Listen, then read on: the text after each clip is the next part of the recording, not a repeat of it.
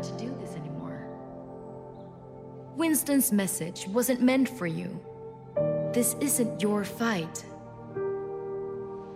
Papa told me after so many years of service, you gave Overwatch everything, and then they pushed you out.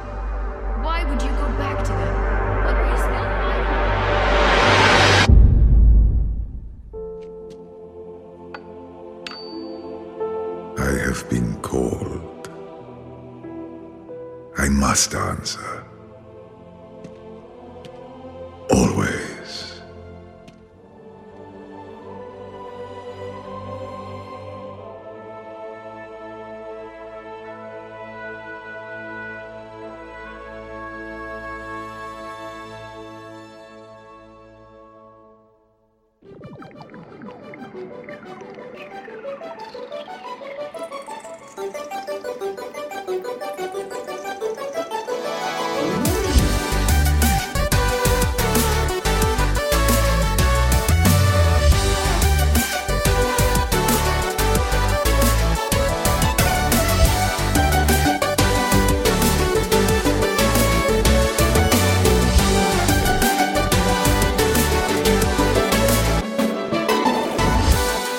Kjære venner, dagen har endelig kommet. Jeg har funnet en entusiast som kan dypdykke med meg ned i spillet som jeg tror jeg nesten nå er nødt til å si at det har betydd mest for meg nesten gjennom tidene.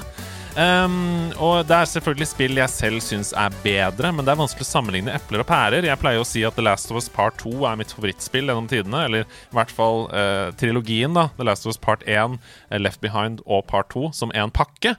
Men det er vanskelig å sammenligne et singleplayer eventyrspill med den sjangeren vi skal inn i nå. Jeg har fått med meg Jonas Liaug Fredriksen, eller Jonas Liaug Fredriksen har tatt med seg meg på å dypdykke ned i Overwatch. Ja, mann! Ja, mann! Shit, ass. På randen av toeren! På randen av toeren som kommer i oktober. og nå hørtes det ut som det kommer ut en film i oktober som heter På randen av toeren. Ja. det er Nei, det gjør det ikke. Det er Overwatch 2 som kommer i oktober. Dette spiller vi inn torsdag 25. august. Så hvis du hører det på Patrion, så hører du det uh, rett etter det. Hvis du hører det i uh, alle kanaler, så er det Det er rundt release. Ja. For det er jo, vi har jo Early Access inne på Patrion, så det betyr jo at nå, nå er det release av Overwatch 2 Oh! as we speak!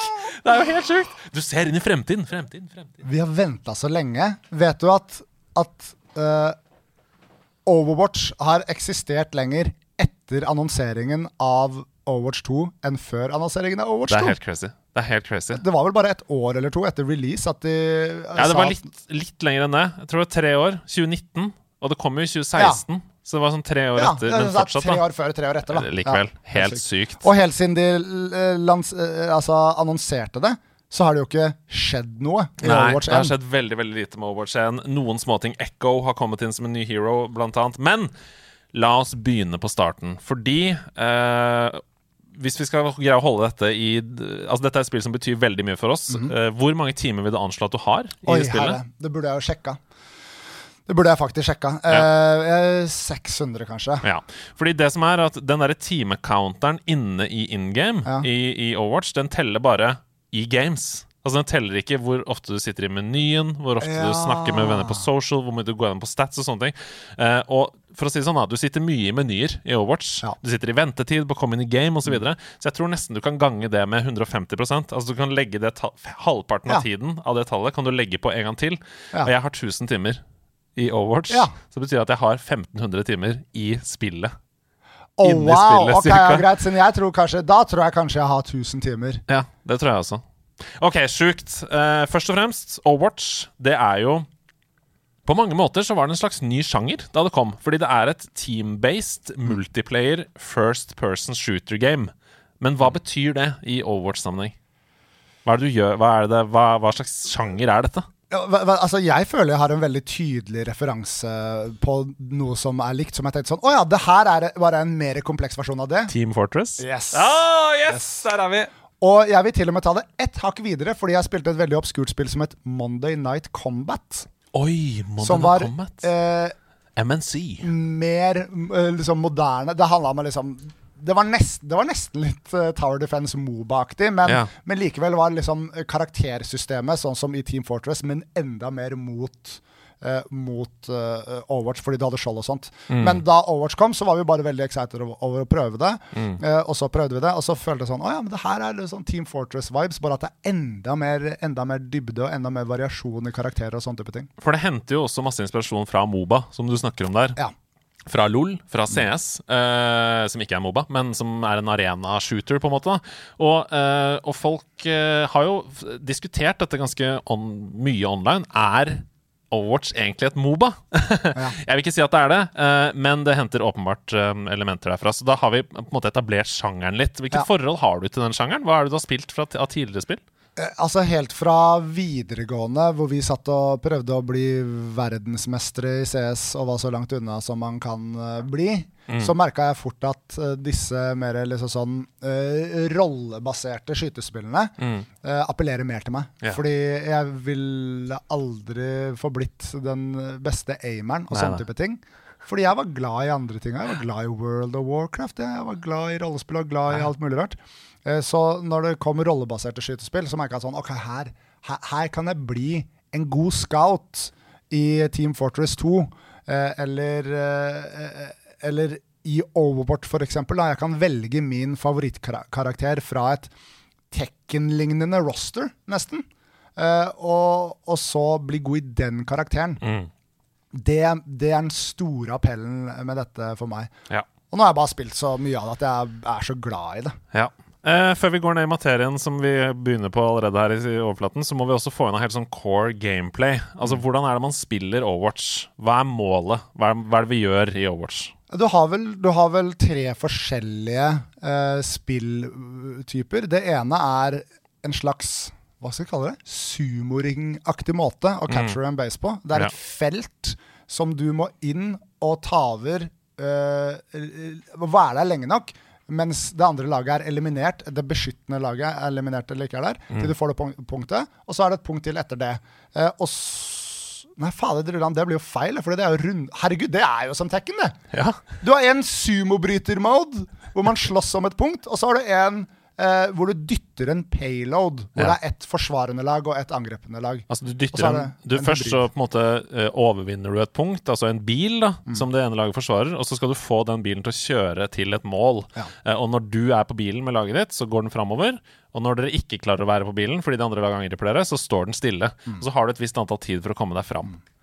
Vet du hvorfor jeg tenkte tre forskjellige modes? Mm. Fordi eh, jeg tror før het det hybrid eller noe sånt, noen ene. Men sånn som på Junkertown, så starter du med å pushe payloaden. Mm. Mens på Numbani så går du og Tar tar over til payloaden, og så pusher den. Og det tror jeg er det hybridgreiene. Ja, Men det er egentlig bare to forskjellige måter, da.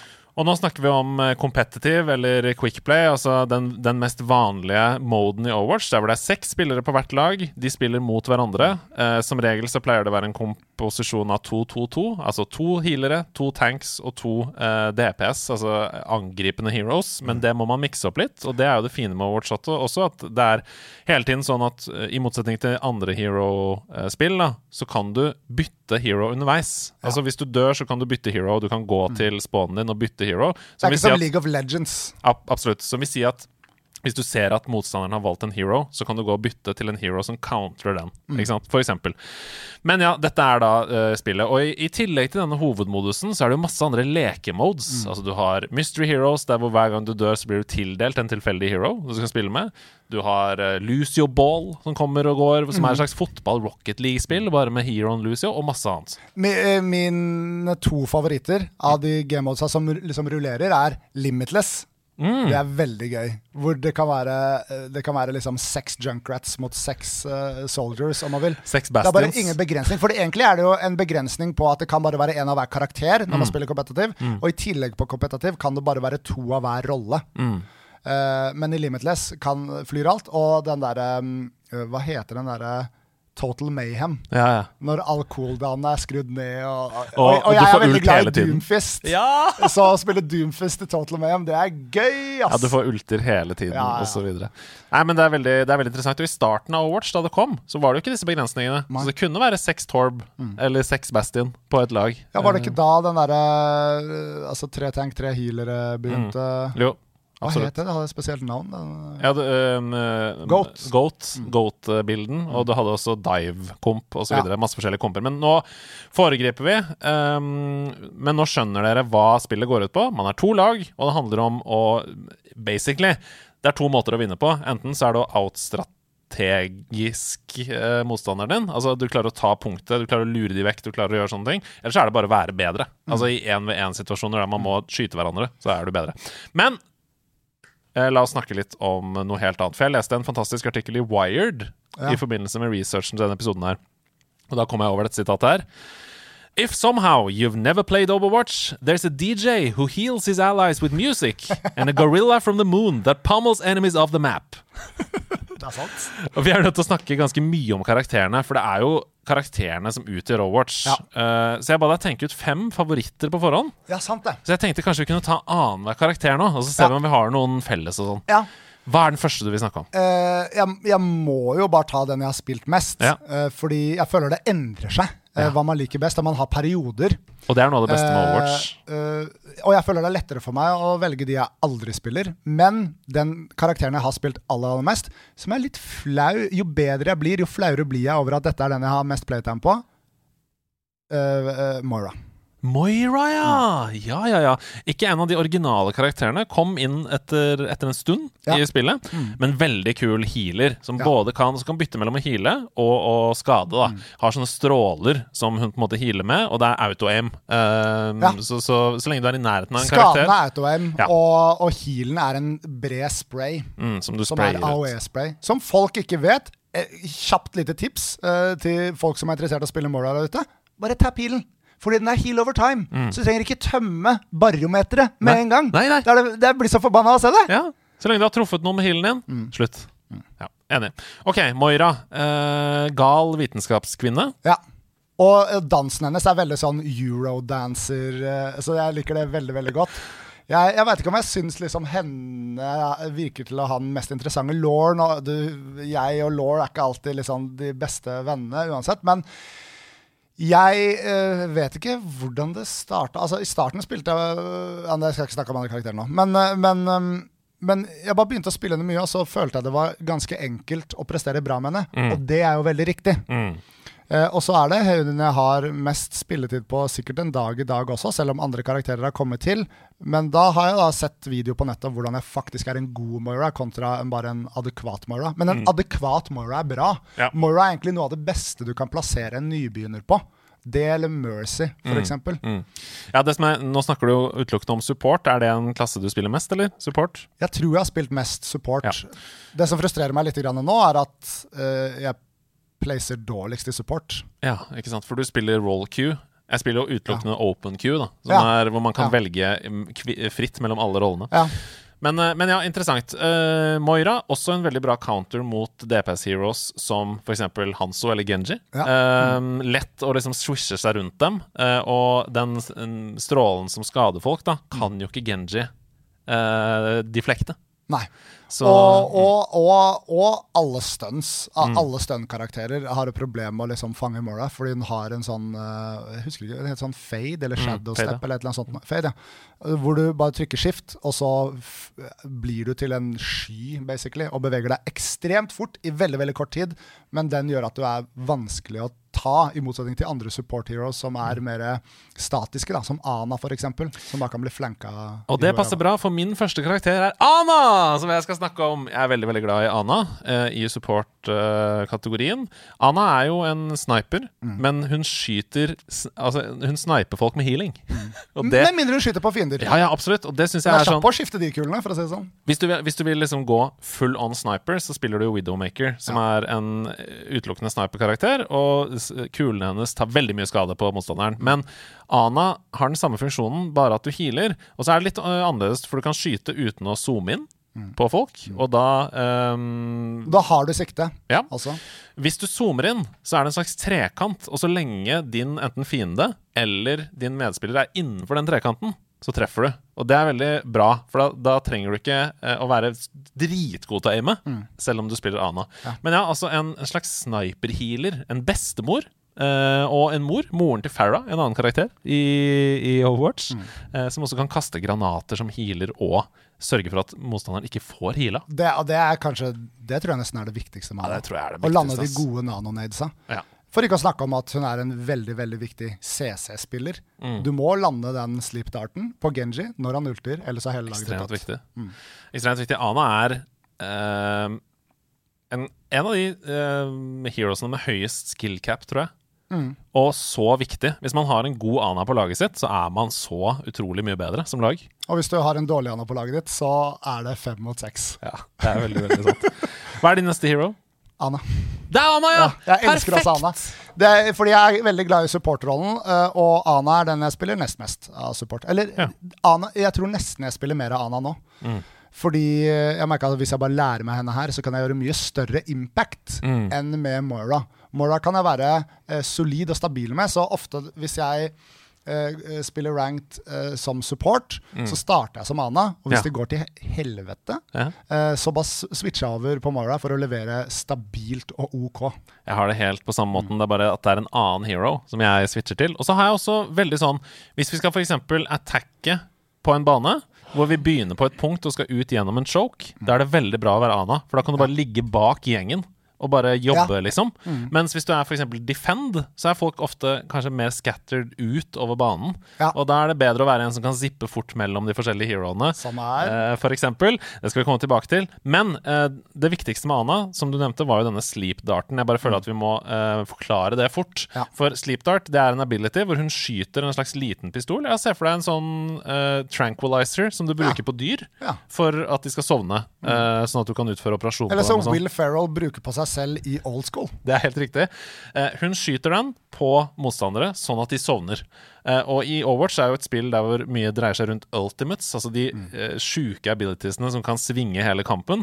McCree, eller Cassidy som han heter nå, har jo f.eks. en eh, ability hvor han sier 'It's high noon', og så står han sånn som en sånn western-duell og zoomer inn på alle de forskjellige karakterene. Og, og når han sier 'draw', så skyter han, og så pa, pa, pa, pa, pa, pa, så kan han skyte hele laget. Og da lyser han opp og står midt på banen. Hvis du da, som Ana, klarer å skyte sleep dart på han mens han står der, og da ødelegger du hele den abilityen, og alle jubler.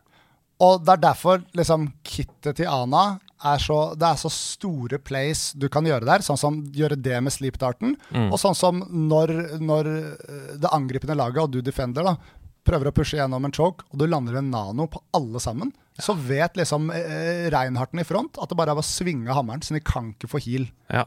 Altså, Nano er vel nanoboost. Det er ulten hennes, Ja. som kan gå på én karakter. Men det heter bare nade, tror jeg. Eh, altså grenade. Eh, jeg tror ikke det heter ja. nanonade. Jeg er litt usikker på det. Å ja. Oh, ja, shit. Ja, det var sikkert misvisende. Mulig jeg tar feil. Altså Nanoboost er jo hennes ultimate. Men, og, og, men, og det er poenget mitt. Er sånn, siden den har vi jo ikke snakka med ennå. Den er også veldig bra, Ja. men kittet hennes i Totalt, sin helhet Ja. er bare så ekstremt bra. Er Hva skjer? Hva skjer om du nanobooster ultimaten til Anna? Nanobooster en Reinhardt. Åh, det er så deilig. Da eh, boostes jo alle evnene til den personen, og blir også nesten fullt heala. Før så ble man fullt heala, nå er det 70% eller noe sånt. Bra det, jeg. Men det er veldig, veldig bra. Uh, og det som er gøy, er jo f.eks. å nanobooste andres ultimates. Mm. Sånn at Ash, en annen karakter, som kan sende en karakter inn i miksen som heter Bob, en stor AI-robot som skyter på alle rundt seg Hvis du nanobooster Bob, det er gøy. Ja, veldig, veldig, veldig gøy. Ok, vi må videre. Uh, min neste karakter, for nå har vi gjort to hver, Mm. det er Torb. Svenske lille Torb. Første karakteren som jeg spilte i Overwatch. Jeg var veldig ræva uh, i dette spillet. Jeg var ræva i skytespill generelt. Og det at Torb kom inn i min verden som en karakter der jeg kun trengte å sette opp en turret som skøyt for meg, og som hadde auto-aim, det var det aller, aller beste. Og han er jo et, sånn, han er jo et pikk nå som er sånn Kødder du med meg? Ja. Kødder du med meg? Skal det være Skal Torb? du være Torb? Skal det være Torb? Ja, da skal du være god. Men, men jeg bare sier det nå. Jeg Torb er på min liste også. Jeg fuckings elsker Torb, og jeg gjør stygge mengder med skade. Ja, jeg som elsker Torb. jeg. Og det som er viktig med Torb, det er jo å bruke tid på internett og finne sånn her Uh, Where is the best turret placements on every map? Mm. Ja, ja. Og så gjør du det. Mm. Og, og også være, være dynamisk i turret placinga di. Mm. Typ liksom Flytte på den hele tida, Mm. du må være strategisk. Og da, da gjør du mye bra med Torb. Mm. Tor Torb for meg er mitt safe pick Ja, for å gjøre her. mye damage. Og veldig ofte på defense. Ja, ja på defense, ja. ja. Eh, aldri på attack. De som, de som tar Torb på attack, de kødder. det må være kødda. I hvert fall forbi et chokepoint med masse skjold og sånn. Hva er det du driver med? Og jeg vil gjøre et argument for at å gjøre et headshot med Torb sin pistol er det deiligste. Fordi den har, den har en kurve, så du må sikte høyt over Ja, ja. deres, men du kan skyte over bakken, og når du plutselig hører klink Og det var sånn, Du står egentlig bare og spammer dem, men så hører du klink, klink, klink, liksom, og da, da, da får jeg en total nerdgasm. Jeg vil se på turreten til Torb som det samme som Bastion i eh, sånn turret mode, holdt jeg på å si. Ja. Den- Når du setter deg ned som Bastion. Hvis du skal være god med Bastion, så må du også flytte deg hele tiden. Du kan ikke sitte på samme sted i, Ja, ja. i den tank mode. ikke sant? Og samme med turreten til Torb. Sett opp én, hold på der litt, eh, forvirr dem. Sett opp et annet sted, hold på der litt, sett opp et tredje sted, sånn at de aldri får kontakt med turreten. Men eh, spilte du betaen? Ja, ja. beta? Altså, jeg spilte jo lenge da jeg måtte upgrade turreten med hammeren, jeg. Ja, nei, nei, jeg mener Overwatch 2-beta. Å ja, nei, det har jeg ikke gjort. Det har jeg ikke gjort helt med vilje. Der, der ble Fordi jeg er ikke noe særlig Bastion-fan. Han er Nei. et sånn meme-pick. Mm. Og noen ganger, hvis du har liksom to skjold på laget og Defender, så går du Bastion og Torbjørn, og så går det bra, liksom. Mm. Uh, men, men Bastion i Overwatch 2-betaen er veldig interessant. For Kan han rundt. hel- han kan kjøre rundt, uh, og uh, han har ikke heal lenger. Høyreknappen er en bouncende granat. Ja. Og ulten hans er artilleri. Men du, skulle vi snakke om Bastion, eller? Er den på lista di? Nei, den er ikke på lista. Nei, Greit, da må vi gå videre. Neste på lista de Nei, nå, vi har hatt samme to ganger, så da er det min Ja, tur igjen. ja, Eh, faktisk. min er Symmetra. Symmetra, eh, veldig bra pick på konsoll nå. Jeg spiller Overwatch utelukkende på konsoll. Mm. Um, på Defense hun sender ut tre forskjellige turrets som uh, har auto-aim med laserstråle. Og de er bitte, bitte små. Bitte små. Og fetter seg på vegger og tak og alt mulig rart. Absolutt. Og skyter en laserstråle som blir sterkere jo lenger du greier å fokusere på målet. Det som også er bra, er at den laserstrålen blir sterkere selv om den fokuserer på skjold. Så det betyr at eh, det er bare å holde inne den eh, R2, folkens. Eller Men gjør turretsa også det? Eller mener, da mener du hennes pistol? Hennes pistol, ja. Symmetra, veldig glad i henne. Hun er jo autist. eh, på, hun er på Spekteret. Ah, ja. um, og er veldig opptatt av at ting må være i system. Mm. Um, hun, hun mener at det største problemet med verden er unorder. Ja. Og jeg er veldig glad i det. Altså Generelt representasjon er veldig til stede i Overwatch. Ja. Man har En av hovedpersonene, Tracer, er jo eh, lesbisk. Mm. Eh, og det, det, altså det er alle kulturer er representert. Det er ja, glad. og det, det som er veldig bra med Overwatch, er at det er liksom gjort, gjort bra der Mm. fra bunnen av. Ja, ja. Det er ikke sånn at Blizzard som et stort selskap har tenkt sånn Vi må representere mer. Nei, nei. Det her er kom det i sånn 2016, og det har alltid vært sånn. Og det har alltid vært en kultur for det der. Ja, i det spillet. Mm. Uh, og det er sånn, man blir ikke pressa opp, som du sa. Ah, er hun autist? Det visste du ikke. ikke sant? Det er ikke Nei, sånn at det det er en sånn svær, viktig ting. Sånn, Nei. se på henne, hun er det. Nei da, hun, hun bare er det. Hun får lov til å være det. Det syns jeg er fint. Noe forhold til Symmetra? Som gameplay-messig? Eh, broren min er veldig, veldig glad i henne. Jeg er også veldig glad i henne. Har, det er bare ikke en jeg har spilt eh, så mye. Mm. Eh, men det er helt sinnssykt det hun kan gjøre. Og, og, og hvis, de, hvis de går double shield, da, som er liksom to tanks som begge har skjold på det andre laget, da må du nesten ha en symmeter for å smelte eh, de skjoldene før du kan komme til laget deres.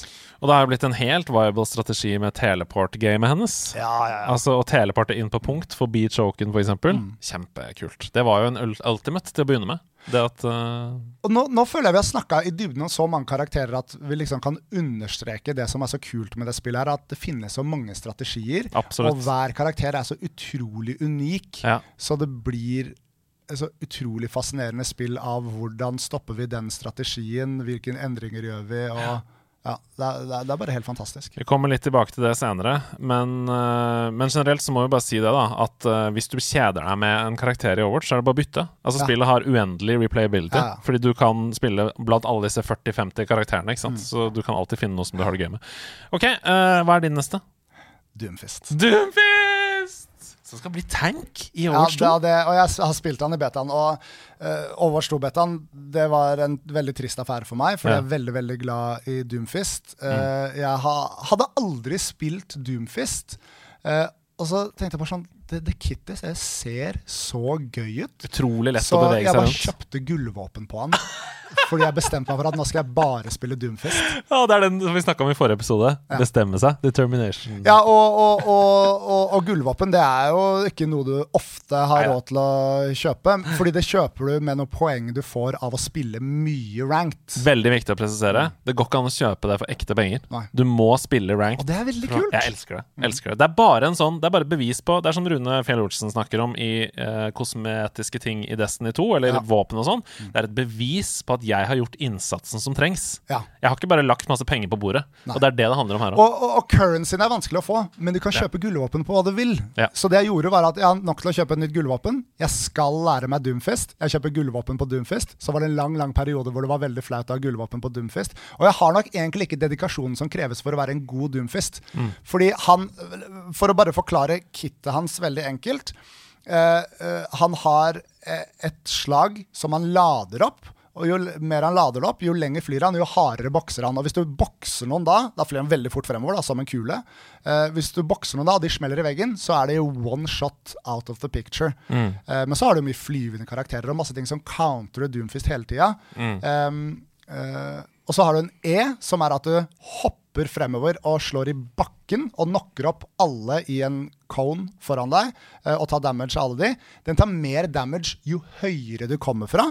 Eh, og så eh, har han en bitte liten ræva liksom, knokejernpistol som du må bruke litt av og til. Eh, og en ultimate eh, Nei, og, og en uppercut. Som er, så det er liksom sånn slam, uppercut. Da får du dem opp i lufta igjen òg, og så kan du bokse dem. Og så må du Han har ekstremt mye mobilitet, men han kan basically ikke skyte noe på avstand. Så det du må gjøre på Doomfist, er at du må lære deg de stedene hvor du på en måte Det er, det er nesten glitchy, men Overwatch har aldri fjerna det, så det forblir i spillet. Men hvordan du liksom treffer noen objekter på mappet i riktig vinkel, så du virkelig flyr opp i lufta, så du kan få en max damage slam ned, og så da forhåpentligvis ha en ability til å komme deg tilbake igjen. Så det er sånn du poker man. Det er veldig, veldig, veldig rart. Men alt det krever at du ser på 40 minutter lange eh, rollout-videoer eh, av Doomfist for å se hvor du gjør dette på alle de forskjellige mapsa. Og det har ikke jeg kommet helt til. Jeg kan noen rollouts noen steder, uh, men jeg prøver å bruke han som en pokermaskin. Men han er, han er veldig situational. da. Min neste karakter det er Reinhardt, selvfølgelig. Uh, en tysk, tysker som brukte veldig mye tid sammen med Lindblad-familien, altså Torb-familien. Uh, som er da Torb med sin datter Bridget, Brigitte. Uh, Reinhardt er en tank som har et stort skjold, og er det som de kalles for en anchor tank i spillet. En helt sånn grunnleggende viktig tank. Har et kjempestort skjold for å forsvare laget sitt. Går framover. Eh, helt superdødelig i nærkamp, men først og fremst, ikke la deg friste. Tenk på laget ditt, først og fremst. Eh, Is i magen er stikkordet med is i magen, med mindre du blir nanobusta. Ja. Og med mindre du kjenner at 'nå kommer jeg til å treffe' med en charge. Ja, fordi han har, han har en svær hammer, han har et svært skjold, eh, og så har han en charge som gjør at du fyker fremover med raketter ut av skuldrene for å prøve å liksom få tak i noen og smelle dem inn i en vegg og ta dem på ett hit. Problemet med nye Reinhardt-spillere er at de bruker den chargen for å liksom bevege seg langt vekk fra laget sitt, og så bommer de, og så blir de tatt ut, og så smelter eh, motstanderne resten av laget. For det er det. Mange spiller Reinhardt som en DPS, altså en som skal drepe det andre laget. Det er feil. Du, eh, noen vil sikkert være uenig med meg nå, men i de aller aller fleste tilfellene så er ditt uh, poeng som Reinhardt Det er å forsvare laget ditt, eller å dra oppmerksomhet vekk fra de andre til deg. Ja. Som en tank, da. Sånn at uh, hvis du kommer litt bort fra laget ditt, som du snakker om, så må du i hvert fall lage masse ugagn. Ja. Sånn at folk fokuserer på deg, sånn at DPS-ene på laget ditt kan skyte de som fokuserer på deg. Ikke? Ja. Din neste karakter? Eh, Roadhog. Jeg Roadhog! tenkte jeg må ha én i hver rolle, og Roadhog er nok eh, favorittanken min. Og mitt uh, også et gullvåpen. Jeg. Ja, jeg har også Roadhog med gullvåpen. Ja. Og han er jo en off-tank, mm -hmm. uh, så du har i større grad enn om, om du er Reinhardt, så må du liksom sånn beskytte laget. Mm. Roadhog, om muligheten byr seg, kan løpe litt ut på sida og være litt flanker og sånt. Og skal trekke oppmerksomhet. Mm. Og derfor har han også så mye heal. Altså Han kan heale nesten seg helt fullt opp med bare en ability. 500 health Ja, ja, ja. eller noe sånt. med Og har også helt sykt mye HP i utgangspunktet. Fordi poenget er at masse folk skal skyte på deg. Det er det som er poenget. Og så har du en hagle med en primary fire som har veldig stor spredning, og en secondary fire som er mye mer samla spredning for å skyte litt mer på avstand. Men du vil komme deg ganske nære de. Eh, og så har du selvfølgelig eh, den nydelige hooken hans. Som er at han hiver ut en krok. Og hvis den får tak i noen, så kommer de helt inntil han, og da trenger du bare skyte en gang og milie en gang, så er eh, alt bortsett fra tanks døde, stort sett. Og her har du det geniale aspektet, fordi vi snakka om Doomfist i stad, som også er en close combat hero. Ikke sant? Og, eh, Roadhog må ha folk nære seg. Det samme må Doomfist. Men der hvor Doomfist sin måte å være nære folk handler om å bevege seg kjapt rundt omkring, være mobil og komme seg rundt fra karakter til karakter, så er Roadhog helt motsatt. Utrolig treig, og er da avhengig av å hooke folk med hooken sin for å få de nærme seg. Istedenfor at jeg kommer til deg, så må du komme til meg. Ja. Han er, han er helt fantastisk, og det kan gjøre veldig store plays med han. Og ulten hans er jo at han uh, går i en slags frenzy-modus hvor han bare sveiv, sveiv av gård på den, eh, på den uh, hagla hans. Ja. Og alt dyttes vekk fra det. Som virker counterintuitive, men det betyr også at du kan liksom pinne folk opp i hjørner inne i rom og sånn type ting. Eller hvis det er mulig, dytte folk ut av mappet Som er det mest tilfredsstillende. og få sånn tre, eller uh, gud tillate fire uh, kills ved å dytte folk ut av maps, uh, Ja. maps på noen steder. Er helt fantastisk. Min siste karakter er også min main. Jeg har spilt henne så mye at jeg klarer ikke å se på uh, law cutscenes med henne uten Ja. å gråte. For jeg syns det er Hun er i familien min. Dette er selvfølgelig Angela, Angela Ziegler. Eller Mercy, da, som hun heter. Mercy. Hun er helt fantastisk. Jeg spiller så mye Mercy at det er helt Jeg, jeg klarer ikke å bli lei av det. Jeg syns alltid det er gøy. Uh, og det, er, det høres jo ut som jeg er forelska i henne. Det er en spillkarakter. Jeg er jo ikke det, uh, på noen som helst måte, men jeg, jeg blir, flott, da. Det jeg blir. Mm. kjempeglad hver gang jeg ser henne. Hun er uh, protector av laget. Jeg, jeg føler liksom sånn For de som kjenner Overwatch, så her er hun et sånn symbol på godhet Ja, generelt absolutt. i livet. Helt enig. Og det er hun jo sånn i law nå. Du finner jo store sånne tagginger på vegger av Mercy som står der som nesten, nesten forgudes litt. Fordi alle vet at hun er så god. Og alltid en lys, blid stemme uansett hva som skjer. Og rent spillteknisk så syns jeg Mercy er så fett fordi de har klart å gjøre det og ikke ta noe skade av noen dritgøy. Ja, det er kjempegøy. Det handler bare om Eller du kan alltid ta fram pistolen og liksom gjøre noe crazy shit, men hun, hun har ikke noen mulighet til å ta noe mye skade. Nei. Uh, og, og, og hun er kjempegod på å holde laget sitt i live. Mercy healer uh, med en stav, uh, som får en stråle på karakterer på laget ditt, med høyreklikk, på en måte. Venstreklikk, mener jeg. Og, og hvis du Nå snakker jeg om PC, ikke sant? så for meg så er det høyre, for det er R2 er healing. Um, men hun kan også bytte den strålen til en damage-stråle. Ja. Som vil si at hun gjør ikke skade selv, men hun booster damagen til andre på laget. Så hvis du ser at de trenger ikke noe healing nå, så bare trykker du den andre knappen, og så booster de damagen isteden. Hun er også ekstremt mobil, som du snakker om. Eh, Med å trykke L1 så kan du sippe rundt til de forskjellige på laget. Mm. Og det er bare et utrolig kort cooldown, tre sekunder eller noe sånt, så du kan nesten bruke den hele tiden. Eh, Veldig gøy. Hun har også et veldig kult og mobilt kit, og kan være like mobil som, som Doomfist, men på en helt annen måte. Det er det jeg elsker sånn Hvis du er god med Mercy, så er du ikke uh, god med Doomfist. Altså, det er helt forskjellige greier, men det, er, det understreker noe av det jeg elsker med det spillet her så utrolig, utrolig mye. Din siste karakter? Det, det syns jeg er ganske vanskelig, fordi jeg starta jo med den jeg har spilt mest. Ja. Uh, og jeg er veldig glad i veldig mange karakterer. Sikkert for mange. Og jeg har i hvert fall to stykker i hver rolle. Og jeg skulle bare nevne fem her. Så for meg er det, skal jeg gå for en DPS, eller skal jeg gå for en tank? Jeg, jeg tror at jeg går for uh, uh, Soldier. Soldier 76, Eh, ja. Nydelig. Til fordel for Winston, som var alternativet mitt. Jeg elsker Winston også, men Soldier, altså, jeg må bare si, Mm. Soldier 76 sitt design mener jeg er den beste DPS-heroen i historien. han kan levere veldig, veldig solid. Men bare sånn Hvor Ja, bare fortell om abilitiesene. Ja, så han eh, For det første, han er jo halvt menneske, halvt robot. Eh, og noe av robotdelene sitter vel i beina hans, så han kan løpe veldig veldig fort med skiften sin. Og det, det, er, det er egentlig sånn som Han er den mest, mest FPS-klare karakteren. Han kan sprinte. Du kan kun sprinte så og så lenge til den baren er nede. Så kan han ikke sprinte lenger. Nei, han kan alltid sprinte, han. Ja, han kan alltid sprinte. Det er sånn der.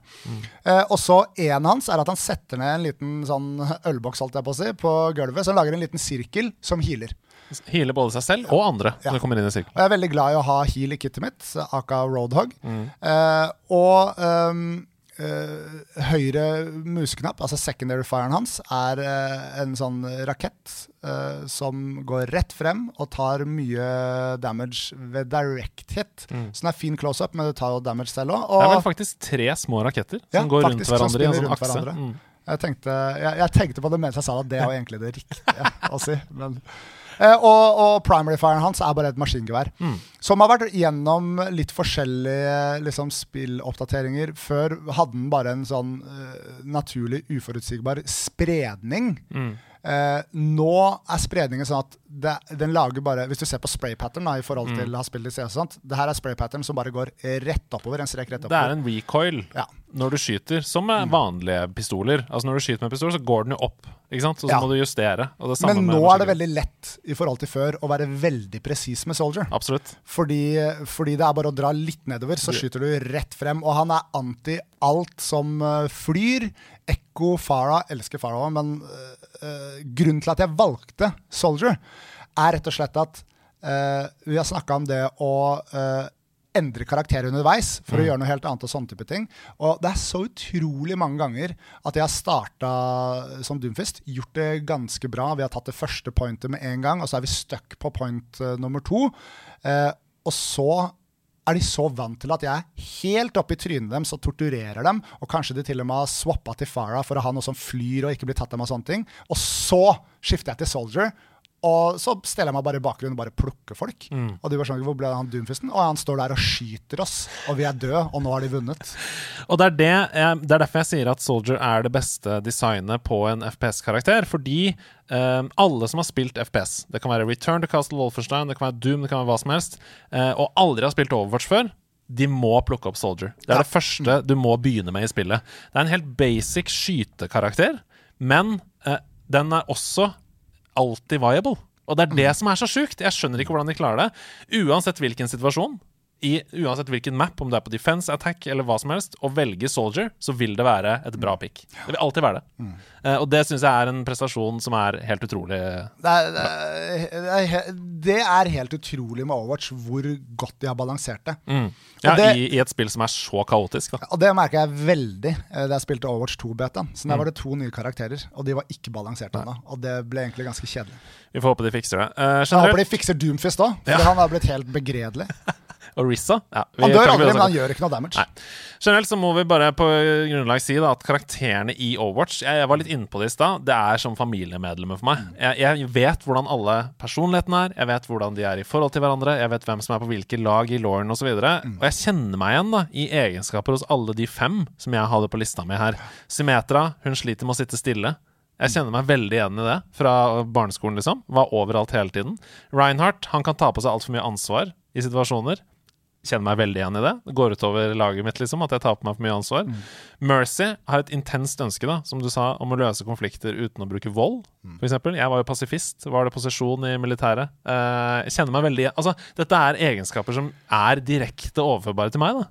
Så Ja, og i tillegg direkte, overfør, altså, direkte overførbare til kittet deres, og hvordan de spilles. Det er det som er så kult. Altså, vi vet hva personlighetene til karakterene er, eh, og du har ikke noe annet valg enn å spille de sånn, som personligheten deres er. jeg syns det er så sjokkerende bra lagd. Eh.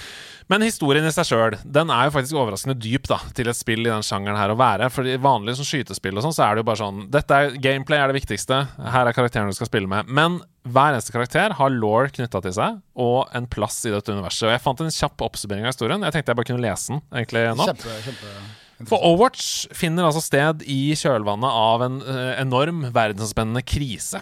Eh, menneskeheten, og Det er ikke så utenkelig at dette kunne skjedd. Menneskeheten begynte å produsere roboter med AI, altså kunstig intelligens, og de ble kjent som Omnix. Og Grunnen til at menneskeheten gjorde det, var for å forsøke å oppnå mer økonomisk likhet i samfunnet. Vi var på vei et sted hvor veldig få eide veldig mye.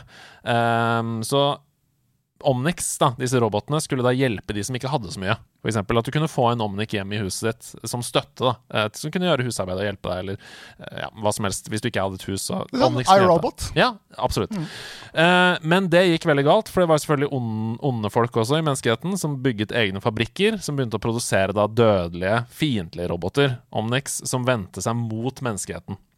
Og det ble i ettertid kalt uh, The Omnic Crisis. Så når det var et faktum, så uh, dannet FN, uh, United Nations, Overwatch. Altså et team av helter med liksom noen overmenneskelige egenskaper. Mange av heroesene i Overwatch har også bare modifisert seg selv. Mercy for eksempel, er jo en av verdens eh, fremste vitenskapskvinner, så hun har gitt seg selv de evnene. Tracer har en sånn Ironman-ting implementert i brystet sitt. Så det er liksom Det er en blanding av noen overmenneskelige egenskaper og noen bare vitenskapelige. Men dette teamet, da Og noen fysiske unikummer. Absolutt. Dette teamet de skulle slå ned robotopprøret, altså Omnix. Og det gikk bra. Robotopprøret det ble knust av menneskeheten, anført av Overwatch. I etterkant av den seieren så var det en intern maktkamp i Overwatch-organisasjonen som førte til en stor konflikt mellom de to lederne på det tidspunktet. Gabriel Reyes, aka Reaper, og Jack Morrison, aka Soldier 76. FN starta etterforskning av organisasjonen fordi det var masse trøbbel internt. Eh, mens den pågikk, så ble Overwatch sitt hovedkvarter ødelagt av en bombe for å fjerne bevis. Da. Eh, FN avvikla derfor hele Overwatch. Dette, kan vi ikke, dette er ute av kontroll, vi må avvikle organisasjonen. Og forbød all aktivitet som var knytta til det. Det var ikke lov med Overwatch. Og spillet Overwatch er satt til ett år etter det, etter at FN offisielt oppløste Overwatch. En ny Omnic Crisis, uh, Rising, uh, i Russland, og en gjeng med tidligere Overwatch-medlemmer, da, anført av Winston, bestemmer seg for å gjenreise organisasjonen Overwatch og gå til kamp mot den nye Omnic Crisisen. Men vi må snakke litt om law generelt, for de har jo lagt enormt mye kjærlighet ned i disse karakterenes bakgrunnshistorier. Eh, de lager filmer av dem som er Pixar-kvalitet. Det er Ja, ja. 10-15 minutter med fortelling. Og jeg har lyst til å arrangere en hel kveld, da man bare ser på dem i liksom historisk rekkefølge. Ja. De lager vel tegneserier òg, gjør de ikke det? Jo, jo, jo, jo, jo. Det er så mye rundt universet. Men hva, har du noen av disse favoritter av disse filmene? Uh, har du lyst til å snakke litt om de, dem, eller? Um, jeg har jo uh, snakket om tidligere at uh, jeg beveger meg ikke så langt inn i law, som sikkert er litt uh, syndig av meg. Um, men, uh, men jeg kan si liksom sånn at det jeg har sett av law, jeg, jeg syns Jeg syns uh, Genji og Hanso sin mm. broderlige er kamp fantastisk. er utrolig kul. Ja.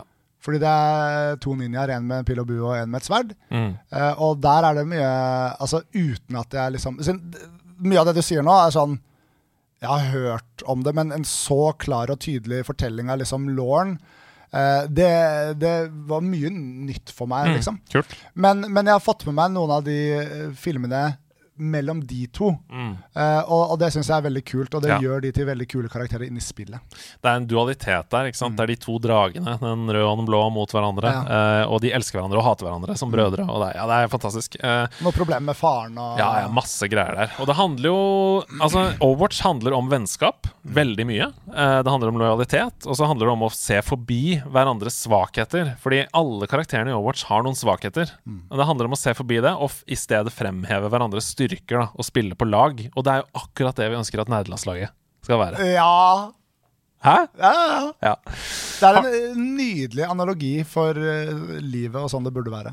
Overwatch. Har du noen favorittmaps i spillet? Altså bane man spiller på? Uh, ja, der også så er det veldig mye lettere for meg med, med, med maps jeg ikke liker. Ja, ja, ja, Men um, Det er jo et godt tegn, da, for det betyr at det er mange du liker. ja, det Eh, er, det, er, det er noe gøy på stort sett alle maps. Jeg, Mm. jeg blir alltid glad når jeg får øhm, Blizzard World. ja, Blizzard World er fantastisk. Som er en uh, fornøyelsespark med masse Blizzard-ting. Og der er det så mye easter eggs også, som er så med gøy. detaljer overalt. Three, den derre The Three ja, ja. Vikings-greia. jeg huska ikke at det var de som hadde lagd det engang. ja, Men Og hvis det du, er går så bort, mye greier. eh, hvis du går bort til uh, disken, der hvor de selger pølser og sånn, så ser du at alle varene er kjempeoverprisa. Fordi det er fornøyelsespark. Å, det er gøy! Og, og i spawnen ja. til Attackers Ja. så uh, ligger det Heartstone på bordet. Du kan spille Heartstone Ja. i Det er helt fantastisk. Det er veldig gøy. Og, Og ja. ja, jeg er veldig glad i alle steder som starter, med, starter i romskipet. Ja. Fordi der kan du eh, få basketballen opp i hoopen hvis du eh, vet hvordan du sikter på det. Ja. Nei, jeg tror sånn Designmessig så er Dorado en veldig bra bane. Ja. Um, Det er mesterlig mapdesign veldig, på veldig Ja. mye her. ja, det er det. Uh, og Overwatch 2-betaen det kjentes for åpent ut, fordi, Ja. men det, sånn skal det jo være. Fordi Ja. de skal jo endre litt hvordan hele spillet spilles. Men jeg elsker Dorado, elsker Blizzard World, elsker Kings Row. eh, og elsker Junkertown. Oh, Junkertown. Er det noen maps som du på en måte er gjentagende god på? Som du føler sånn Yes, der kom det mappet. Der er jeg alltid god. Eh, på Eikenvalde Ja! så min favoritt, der kan jeg Doomfist rollouts. Ja. Så det liker jeg. Ja, det er gøy. Og nei, Eikenvalde er kanskje en av mine favorittbaner, også Mm. av den Law-filmen som heter Honor and Glory, som handler om Reinhardt. Fordi det her er hjemmet til Reinhardt. Det er ikke det. Det er en, det er en, eh, det er en slagmark Ja. hvor han ble til den Reinhardt vi kjenner han om. Hvis Ja. man ikke har sett Honor and Glory, det er en av de beste animasjonsfilmene jeg har sett, ua, uavhengig wow. av sjanger. Så gå og se den. Uh, Honor and Glory på, på YouTube. Det, det må jeg rett og slett gjøre. Mm. Uh, og, og så må jeg si at noe av det jeg er mest excited for med Overwatch 2, er Mm. jo den delen av Overwatch 2 som har blitt pusha uh, frem i tid igjen, som er singleplayer-fokus Eller nei, Mm. coop-fokuset. Fordi de skal også ha eh, mye større fokus på coop Mm. i Overwatch 2, eh, hvor du liksom spiller med vennene dine, og du kan oppgradere karakterene og sånne type ting. Mm. Eh, og der tror jeg de kommer til å være mye, mye bedre enn det de har vært på å fortelle law gjennom spillet. Helt enig. Fordi jeg har vært veldig opptatt av spillet, og det er et kompetativt spill, og så ble jeg fokusert på det, og så liksom havner Lauren litt i kjølvannet for meg, som ikke i utgangspunktet er en veldig law-interessert fyr. Men jeg vet det er nydelig law her, og jeg håper at Overwatch 2 kan være flinkere å vise meg det, selv om jeg er dårlig på å klikke på YouTube-videoer, til tross for å være en YouTuber. Vi er nødt til å snakke om det litt sånn unike i den lagspillingen som vi var inne på i sted. For det er veldig veldig sjelden til Overwatch mulig å liksom consistently vinne ved å bare gå solo. Da skal du være dritgod hvis Ja. du skal få til det. Overwatch er et lagspill. Eh, en tank, en healer og en DPS som singler ut en annen karakter, er nesten uslåelig. Ja. Hvis de tre går sammen og bestemmer seg for nå skal vi ta han eller henne. Hvilke strategier er det du liker best i Overwatch? Ehm, jeg jeg syns det er veldig veldig deilig med dive. Å Mm. bare overrumple dem ved å være oppi trynet deres uh, før de vet hva som har uh, hitta dem. Mm. Uh, men, men jeg har nok operert mest med det er ikke alltid vi er full team. Så vi har ikke vært så veldig på liksom, fullteam-strategier. Mm. Men, men, men alle mulige slags rare duos. Eh, pharmacy. Ja. Eller Far Mercy, som er en Farah, som er en flyvende rocket launcher-dame. Hvis hun har en Mercy med seg så For det første er det digg generelt for hele lagdynamikken, fordi Mercy kan alltid hoppe opp i lufta hvor Farah er, for å komme seg unna, altså ned på bakken igjen. Men Far Mercy handler om at uh, Mercy sin jobb uh, er å i hovedsak passe på og damage-booste uh, Farah. uh, mens en annen healer har hovedansvaret for resten av laget. Eh, og en total pocket, som det heter, er jo skadelig for laget. Men å ha en Mercy som er veldig bevisst på hva som er bra at hun gjør for deg som er Farah, det setter jeg veldig veldig pris på. Jeg er, eh, det er som du sier at det er sjelden man er seks personer. Vi var det i liksom et år da Overwatch kom. Så spilte vi fast sammen seks personer. Var eh, be, be, mm, mwah, beste året i mitt liv. Men, eh, men da eh, Nå er vi ofte to eller tre som spiller sammen. Ja. Og Derfor så handler det ofte bare om å kombinere ulter. Det er vanskelig å, å, å snakke med resten av laget. Mm. Så det å liksom eh, Kombinasjoner av å kombinere Saria sin ult, Ja. som er å samle hele motstanderlaget i en klump, det elsker jeg. F.eks. med Hanso sin ult, eller med Torb sin ult, Mm. som er å slenge ut masse lava. Vi kaller det for rød løper. Ja. Vi bare sier det Vi bare sier det internt i laget. Skal vi kjøre rød løper, eller? Ja. Og så tar noen Saria, og så tar jeg Torb, og så eh, samler de hele laget, og så putter jeg lava under på bakken. For det går ikke an å forsvare seg mot. Nei. Det ligger på bakken. Og, og, og sånn sett er det rart at vi ikke har snakka om Saria ennå, fordi hun er en av de største playmakerne blant tanksa pga. den ulten, som Mm. gjør at alle suges inn i denne ballen hun kastes ut, Mm. kaster ut. Og da kan man bruke Reaper, man kan bruke Hanso, man kan bruke masse andre ulter da, for, å, for å drepe hele laget. Ikke sant? Så man vil gjerne ha noe som tar mye damage uh, på et tett sted, sånn som Mm. Doomfist sin ult, som vi aldri nevnte i stad, men det er at han eh, fyker opp i lufta, og så skyter ned knoker først og tar mye mye damage på ett sted. Mm. Da kan du plassere liksom Doomfist-ulten på Saria sin ult, Men så har du kanskje i tillegg den andre DPS-en, som er Genji, som bare flyr inn og eh, svinger med sverdet der også. Så er det garantert å vipe dem. Og Derfor så er jeg veldig glad i tanker som har ulter som er crowd control, som du snakker om her. F.eks. Sarah, som samler hele laget. Reinhardt, som slår hammeren sin hammer down, så alle blir stønna på motstanderlaget. Altså crowd control, da. OK, vi må gå videre. Uh, Det må jeg bare si før vi går videre, da, at det er egentlig min største bekymring med Overwatch 2. Ja. Fordi eh, det er veldig tydelig at de har lyst til at crowd control, crowd control skal være et, mm, eh, eh, spille en mindre rolle. Ja. Veldig mange har fått fjerna crowd controllen sin og sånne type ting. Eh, og i tillegg, med de åpne mapsa eh, og at det bare er én tank, så åpner de for at man kan solo-carrie mer. Så det beveger seg litt mer mot uh, CS. CS Eller, ja. men er fremdeles langt ifra CS. da. Ja. Vi må snakke litt om musikken også. Her er fra en artikkel i VentureBeat. I love the music. It's a heroic score. Full of triumphant fanfares and melodies that have musical cues based on the level you're in. You'll hear some distinctively uh, Japanese instruments when you start a game on Hanamura, for example. I find myself humming along to the distinct melody that plays every time you begin a game on the Hollywood map. Ja. Mm. Her, her må jeg igjen bare innrømme at jeg er en stor, stor synder. Eh, I hvert fall i kompetitive spill Ja. så går jeg alltid inn og skrur av musikken min. Ja, ja, ja, men det skjønner jeg. Uh, også fordi dette er et kompetitivt spill. Dette er en e-sport. Altså Det er ikke Ja. som en tulle-e-sport, dette er en e-sport.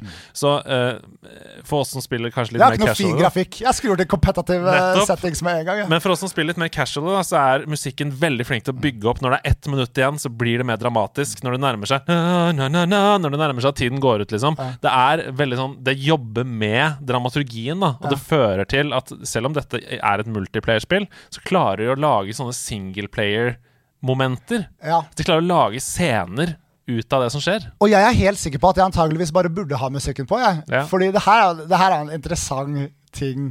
Jeg, jeg går for liksom try hard settings og skrur av musikk og nyter ikke spillet på den måten. Jeg nyter en seier, liksom. Men jeg er helt sikker på at du har sikkert høyere rank enn meg. Hvilken rank er du? Jeg er platt. platt, er platt. Platt. Platt. I roll queue. Ja. Nei, Ja. åpen. Åpen queue. Ja, ja, ja, open, open queue, ja.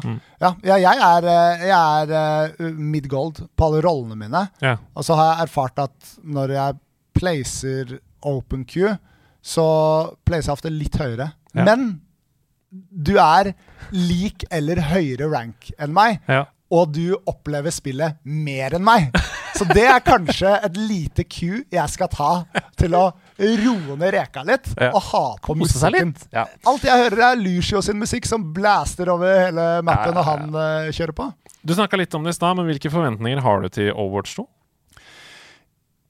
Det jeg gleder meg til, Mm. er at spillet skal få lov til å leve igjen. Uh, og jeg tror launchen kommer til å gå bra. Blizzard har skjønt nå hvordan de skal gjøre det, og jeg tror vi kommer til å få en influx av nye spillere. Som for meg er uh, en stor glede og ære. Fordi etter at uh, Overwatch 2 ble annonsert, så har det ikke skjedd noe nytt. Det kom Ekko, og Ekko er den eneste nye karakteren på nesten tre år. Eh, og det er kjedelig, fordi et sånn her spill thriver når det kommer jevnlig nye karakterer og er jevnlig updates med nye ting. og og og det har det ikke vært på tre år nå. Så det er et dødt spill nå, og nå skal de gjenopplive det med Overwatch 2. Jeg trygler og ber til Overwatch-gudene eh, om at det skal skje. For det skal jo være Battle Pass, liksom. Altså Det skal komme Ja. nytt map annenhver måned, nytt hero hver tredje måned. Det skal Ja. bare boom, dundre på, Og liksom. det gleder jeg meg veldig veldig til. At Ja. spillet skal leve igjen. Mer enn noe annet gleder jeg meg til det. Og så har jeg prøvd betaen. Uh, Der var balansen eh, ødelagt. Og Mm. den nye tanken spesielt, Junker Queen, hun var altfor, altfor mektig. Mm. Eh, og alle som sier at dere bare vet ikke hvordan dere bekjemper det. Det er ikke sant. Hun healer, hun tar mer damage enn alle DPS-er, eh, og det er bare helt forferdelig. Men du, Hæ? Dette mistenker jeg at er et triks. Fordi eh, hver gang Dette har skjedd alltid siden Overwatch kom. Hver gang de lanserer en ny hero i liksom beta og sånn, så er den heroen altfor bra. Ja. Og så blir det masse oppmerksomhet. Ah, alle må spille den nye heroen! Og så nerfer de heroen når den Ja. kommer ut, eller etter en Og, uke. Liksom. og det Liksom. gleder jeg meg selvfølgelig til. Så det er ikke en bekymring at hun skal være sånn. Eh, jeg er bekymra for Doomfist, eh, men han føler jeg viste seg som så eh, relativt ubrukelig i betaen at han vil få mer damage. For han var jo også helt sjukt overpowered da han kom.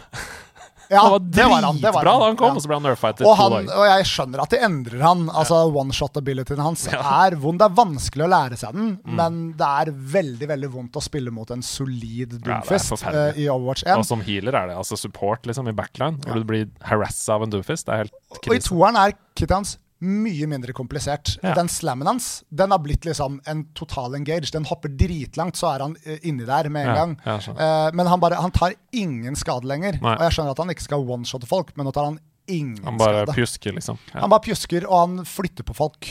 Ja skjønner. Nei, det er, det er jo kjedelig. Og så er jeg litt grann bekymra for hvor mye solo carry-potensial det får. Det, men det kjente jeg ikke så veldig på, egentlig, da jeg spilte betaen. Nei, jeg, jeg er veldig enig med deg i dette. Jeg gleder meg helt sykt til Battle Pass-modellen. Mm. eh, og til å få masse nytt innhold og teste nye ting og sånt. Det blir veldig gøy. Og coop-moden gleder jeg meg utrolig ja, ja. mye til. Fordi det høres jo litt ut som at det er det jeg elsker fra Tower Defense og alt det derre Left for Dead Ja, ja, ja, ja. Jeg elsker fra de tingene der. Det høres ut som at det skal være litt det, da. Mm. Eh, og mm, det gleder jeg meg til. Og Talent 3 og sånne type ting. Ja, det blir nydelig. Helt til slutt, da. Hva er det rent oppsummert som gjør Overwatch så magisk for deg? Vi skal liksom peke på Hva er grunnen til at du har 600 timer i det? Sånn helt sånn grunnleggende. Jeg, jeg føler Overwatch er grunnen til at jeg kan si at jeg elsker FPS. Ja. Fordi det er en FPS eh, i, i bunn. ja. Uh, og eh, det, det, at, det at jeg kan finne min styrke i en uh, karakter med så sterk personlighet som er reflektert i kittet altså Alt det bare gjør at FPS er noe jeg liker. Jeg er glad i CS av nostalgiske grunner, men, men jeg klarer ikke kose meg med CS en hel kveld. Overwatch er bare det som gjør FPS gøy for meg. Er, det, er det noe? ja, det er kjempebra. Overwatch er jo et FPS du kan være god i uten å være god til å sikte. Ja. Og det er jo helt uh, unikt, da. Du kan være god på jobben din. Ja. Og så er det sånn at nok en gang så skal vi slutte på en måte som bare har skjedd én gang før. Det var i forrige episode. For du har jo lagd en sang! Ja. Den, den er lagd i nyere tid. Du har lagd en sang om Genji i Overwatch, og mer spesifikt da, russiske Genji mains. Ja. Hva er, hva er dette for noe? Det er eh, et, eh, et fenomen alle vil oppdage. Fordi det som er veldig bra på Overwatch, er at du har, eh, du har et gruppesystem hvor du kan gå inn og finne en gruppe, og så kan du spille med dem. Eh, og i, på Europaserveren så er det mye russere, mye nydelige russere. eh, Og mye forferdelige russere, sånn som det finnes nydelige og forferdelige versjoner av alle folkeslag i hele verden. Absolutt. Men de forferdelige russerne de spiller ofte Genji.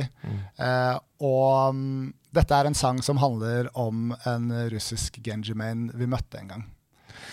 Det er veldig bra. Det er bare å nyte, folkens. Sett dere ned, skru opp lyden, ta en uh, kopp kaffe, og kos dere med denne Min hovedtankvenn i Overwatch, som er vokalen, forresten. Ja, det er perfekt. Så skal jeg bare avslutte hele denne episoden jeg, med et sitat fra en anmeldelse uh, av Overwatch i VentureBeat, der spillet fikk 96 av 100 da det kom. Other online games make you feel like a player. Overwatch makes you feel like a hero. I log on Overwatch in morning and I thinking what is this? You playing Reaper like a baby and you don't got no skills. I pick character, you will die. And they call me Uncle Tits, this is no game. I am Genji, all you other people shit.